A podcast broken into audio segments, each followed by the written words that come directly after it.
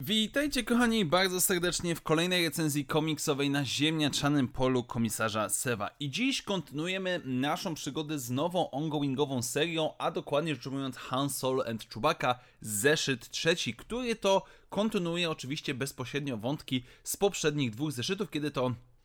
nasza ekipa w składzie Grido, Han Solo oraz no, domniemany czy zakładany ojciec Hanna Solo są uwięzieni w apartamencie, który mieli okraść, który okazał się pusty, nie posiadać rzeczy, które mieli ukraść. No i próbują oni oczywiście wydostać się z tarapatów z jednej strony, no i dzięki powiedzmy cwaniactwu, kombinatorstwu Hanna Solo w jego takim powiedzmy ikonicznym stylu udaje im się niemal dosłownie bez powiedzmy em, bez wystrzelenia blasterem czy bez jakiejś awantury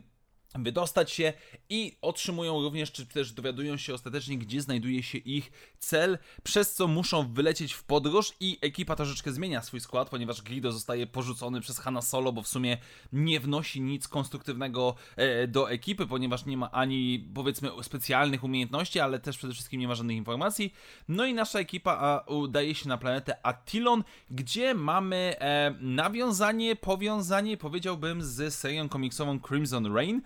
ponieważ mamy tutaj ukazaną e, scenę e, rekrutacji przez Kirę jej archiwistki, którą widzieliśmy bodajże w trzecim albo czwartym zeszycie, już teraz nie pamiętam tej drugiej serii komiksowej, a jest to wszystko zrobione po to, że ta archiwistka w swoim sklepie teoretycznie kupiła urnę, którą nasi bohaterowie muszą zdobyć i kiedy ta właścicielka już lokalu zostaje, że tak powiem, zabrana przez Kirę, Han e, wraz z ojcem próbują odzyskać e, e, powiedzmy te, te szczątki, czy też tą urnę, ale na ich drodze na samym końcu staje Black Chrysanta, który no teraz będzie, zakładam, pojedynkował się z naszą ekipą. I teraz przejdźmy sobie po kolei um, po częściach e, tego, tego zeszytu, ponieważ e, jest tutaj lepiej i gorzej. Sama akcja z wydostaniem się z apartamentu jest naprawdę niezła. Znaczy się, nie czujemy może za bardzo tutaj jakby scenariuszowo, czy też bardziej rysunkowo powiedziałbym, nie czujemy tego zagrożenia ze strony tego, że ekipa um, ochroniarska jest za drzwiami i za chwilę może się przedostać, ale i tak plan Hanna Solo, żeby wykorzystać e, kontakt do teoretycznie właśnie tej samej ekipy ochroniarskiej, żeby załatwili transport jest jak najbardziej w porządku i też pasujący do postaci Hanna Solo. Z drugiej strony mamy tutaj pewnego rodzaju, powiedziałbym, nawiązanie do e, sequeli, ponieważ Han Solo w pewnym momencie ma w rękach wysoko, powiedzmy, promienną e, przecinarkę, która wygląda jak miotacz ognia z First Orderu, jak i również powiedziałbym troszeczkę kojarzy mi się szczerze mówiąc z obcym. E, ale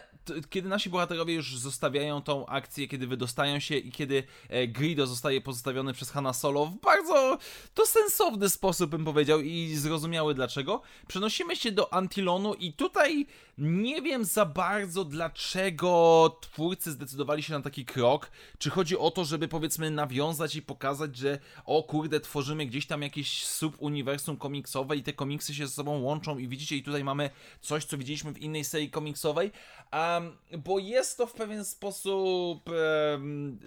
średnie, jakoś tak troszeczkę, może nie powiedziałbym naciągane, ale problematyczne jest na pewno to, że Han widzi Kirę, znaczy się widzi jej plecy, no i wydaje mi się, że raczej ją powinien rozpoznać. No, aż tak wiele lat nie minęło od wydarzeń z filmu, żeby oni powiedzmy nie mogli. Um,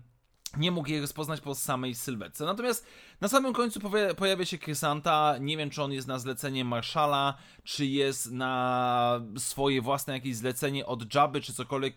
sposób innego. Nie zmienia to jednak faktu, że ta końcówka, no trochę nie kupuje mnie. E, z jednej strony tutaj już w tym zeszycie ostatecznie nie jestem za bardzo przekonany do zeszytu, e, do, do powiedzmy do sposobu rysowania, przeszkadza mi brak dynamiki, e, ujęcia między bohaterami, czy też czasami ta gra twarzą, rysowanie ich twarzy, żeby podkreślenie ich emocji z jednej strony, z drugiej strony wrzucenie krysanty jest e, też troszeczkę takim nostalgiczną zagrywką, no zobaczymy oczywiście, w którą tą stronę pójdzie, ale biorąc pod uwagę, że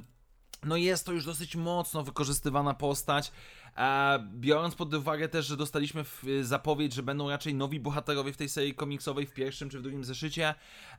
no to no zobaczymy jeszcze, w którą stronę to pójdzie, ale niestety muszę to powiedzieć, że po trzecim zeszycie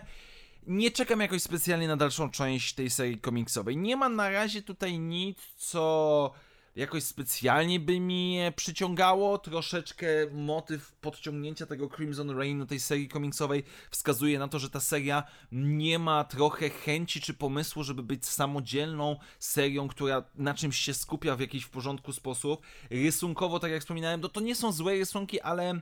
nie pasują, bym powiedział, do tego, co dostajemy. Jakoś nie mogę, nie mogę się do nich przekonać, przez co no, nas następne zeszyty specjalnie nie czekam. Nie jestem też bardzo negatywnie nastawiony, ale na chwilę obecną niestety Han Solo i Chewbacca nie przedstawiają nic bardzo wyjątkowo niesamowitego, e, elitarnego, super ekstra fajnego, żebyśmy, żebym ja przynajmniej jakoś specjalnie czekał na następne części przygód naszych tytułowych bohaterów. Tak więc dziękuję Wam bardzo serdecznie moi drodzy za dzisiejsze spotkanie. Standardowo przypominam, że możecie mnie wesprzeć, jeżeli chcecie, stawiając mi wirtualną kawę. Link znajdziecie w opisie tego materiału. To na dzisiaj już wszystko. Do usłyszenia w następnych materiałach i jak zawsze niech moc będzie z Wami. Na razie, cześć!